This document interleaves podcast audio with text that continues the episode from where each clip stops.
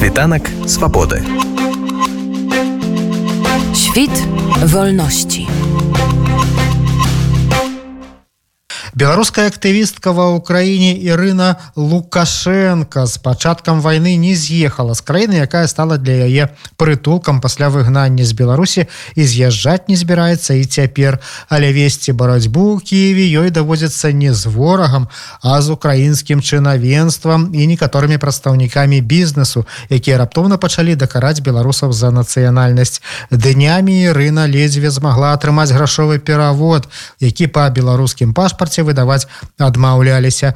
Больш прадарабязна пра тое з чым даводзіцца сутыкацца ва ўкраіне беларусцы Ірыне лукашенко яна распавяла маёй калезе алені прыходька я Ира лукашенко беларуска зараз жыву ў краіне хутка будзе два гады. Пераехала ў траўні 21 года. Ну, праз палітычныя падзеі у беларусі вырашыла з'ехаць. Я так разумею с пачаткам паўнамасштабнага уварвання россии ва ўкраіну вы засталіся ва ўкраіне. Чаму? Так я засталася тому что ну для мяне украина гэта зараз мой дом мой другі дом які не хочу пакідаць. Я вельмі люблю кіў я просто хочу тут жыць і далей. Мне тут падабаецца і нават вайна гэта ніяк не змяняе. Канешне ну у киеве плюс-мінус спакойна але ну бываюць і выбухи бываюць і нават я за свайго вакна бачу некаторыя выбухи але напэўна гэта не так цяжка як жыць под прыгнётам. Тому трымаюся і трымаемся мы. Я езжу по ўсёй краіне і напрыклад калі я была херсоне там значна цяжэй і маральна цяжэй і я не ведаю ці змагла б я там жыць зараз тому что там выбухи я не ведаю кожныя ну не гадзіну нават больш кожныя паўгадзіны нейкія выбухи побач з табой іх это так маральна прыгнёчвае напэўна так можна сказаць цябе что ну ось, я не ведаю. А ў Киеве цяжка але мне хочется тут быць мне хочется дапамагаць мне хочется жыць і нешта рабіць у сувязі з тым что по нацыянальным прызнаку пачаткам войны у беларусаў наступілі пэўныя абмежаванні. Скажитеце калі ласка з якімі праблемамі сутыкаеце зараз вы?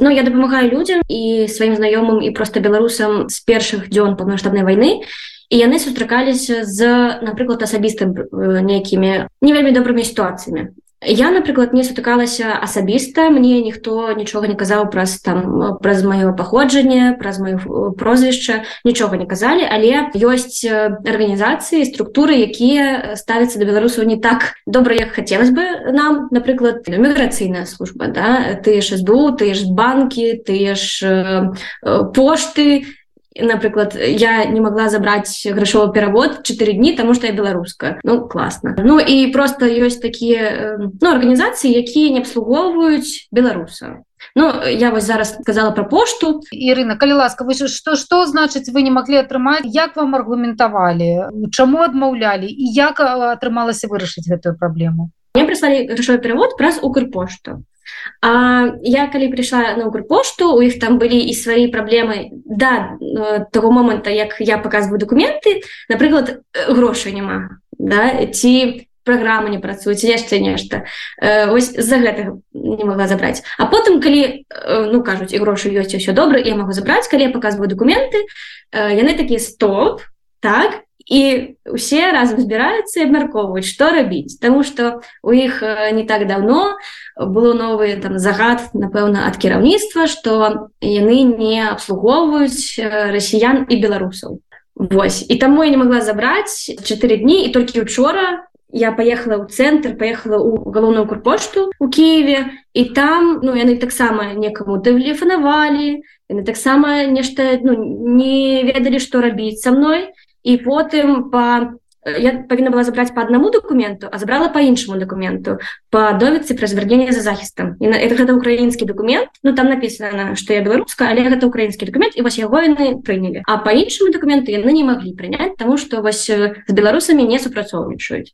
апроч гэтага выпадку з вами наколькі я ведаю яшчэ іншыя здарэнні апошнім часам адбыліся. Калі ласка распавядзіце і пра іх таксама я могу распавесці да той сітуацыі з банкам могу яшчэ напрыклад распавесці ёсць сеть это не толькі арганізацыі таких сур'ёзных датычыцца але яшчэ і разважальных напрыклад у сакавіку напэўна мы былі во Львове і там беларусаў не пускалі ў рэстаран Праўда тому что вось беларускі документ тому что паходжанне беларускае і нават свж украінскім дзе напісана что э, ну краіна паходжання Беларусь таксама не пускалі гэта таксама ну нейк дзікая незразумела что ты такі сядзіш і думаешь А хто ты наогул такі что тебе не могуць пусціць нават ну, піва попіць ну, гэта такое разважальное А калі э, про вось банк э, я не так давно э, ездила со сваёй сяброўкай атрымліваць візу во Львов у консульства польскае польское консульство калі атрымлівалі гуманітарную гуманітарную візу людзі то там ну ніхто нічога не ну, не, не аплачваць не, не трэба і ніхто нікуды не ідзе.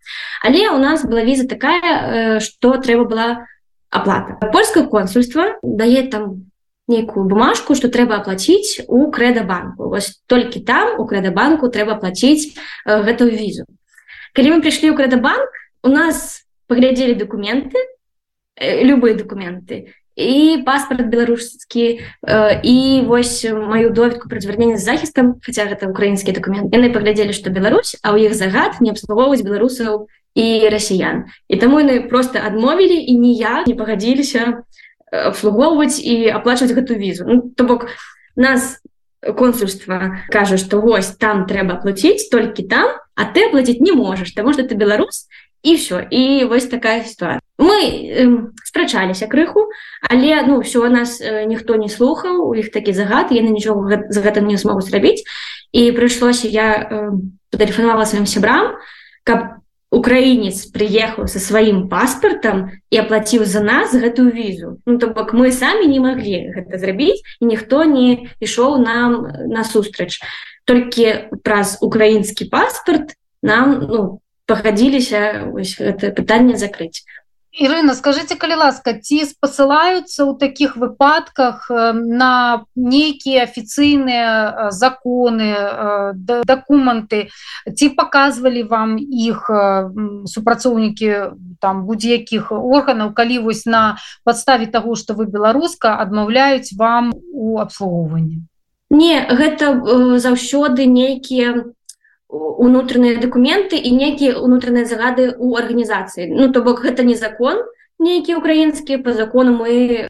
не под прыгнётам да в Украіне. Гэта нейкія ну загады кіраўніцтва. Можа яны нават і не пісьмовыя гэтай загады тому что ніхто ніколі не показваў пісьмова что нельга. Гэта нейкія такія напэўна просто пажаданні кіраўніцтва і арганізацыі. І ну вось я нават не ведаю ці не записываюць нешта яны ці гэта ну недзе аформлена неяк ці не ці гэта просто словы якія данеслі кіраўніцтва да сваіх э, супрацоўнікаў А ці запытвалі вы калі-небудзь так запытвала але мне ніколі іх не показвалі Таму я нават не ведаю ці існуюць яны ці плануе беларуская дыяспора праваабаронцы людзі якія зараз знаходзяцца ва ўкраіне нейкім чынам вось гэтыя кейсы апрацоўваць і звяртацца да украінскіх уладаў каб ўсё ж таки беларусаў якія не ворагі краіне гэтае прыцяснение да у іх дачыненні да іх спынілася?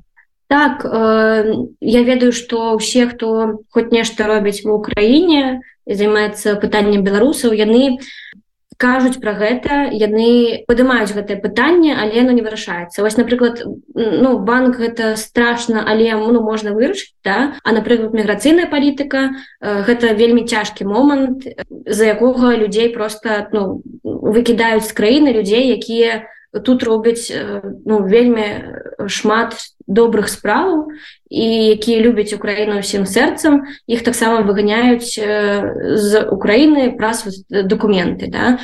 І гэта пытанне ну такое вельмі цяжкае і важное і я ведаю што яго падымаюць усе ну хто можа гэта рабіць. І ну напрыклад там і ў палку каліновского галіны сустракаюцца з дэпутатамі. І офіс ціхановскай каліны тут прыязджаюць і нейкія сустрэчы плануюцца.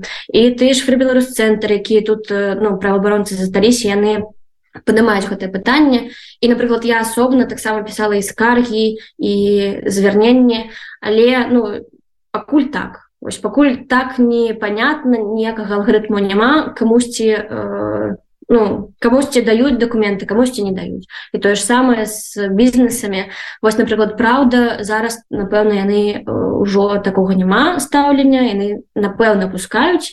Ну я напэўна была пасля гэтага. Але ну вось там банкі ну пакуль нічога. Пакуль нічога ў іх няма. І тым больш калі гэта не загад такі афіцыйны а гэта на словах то напэўна яны зараз робяць як захочуць. І няма ніякага такога пэўнага алгарытму як нам ну, сябе паводзіць і як вырашыць вось пытанне з тымі ж дакументамі і з тымі ж аплатамі і, і зусім астатнім.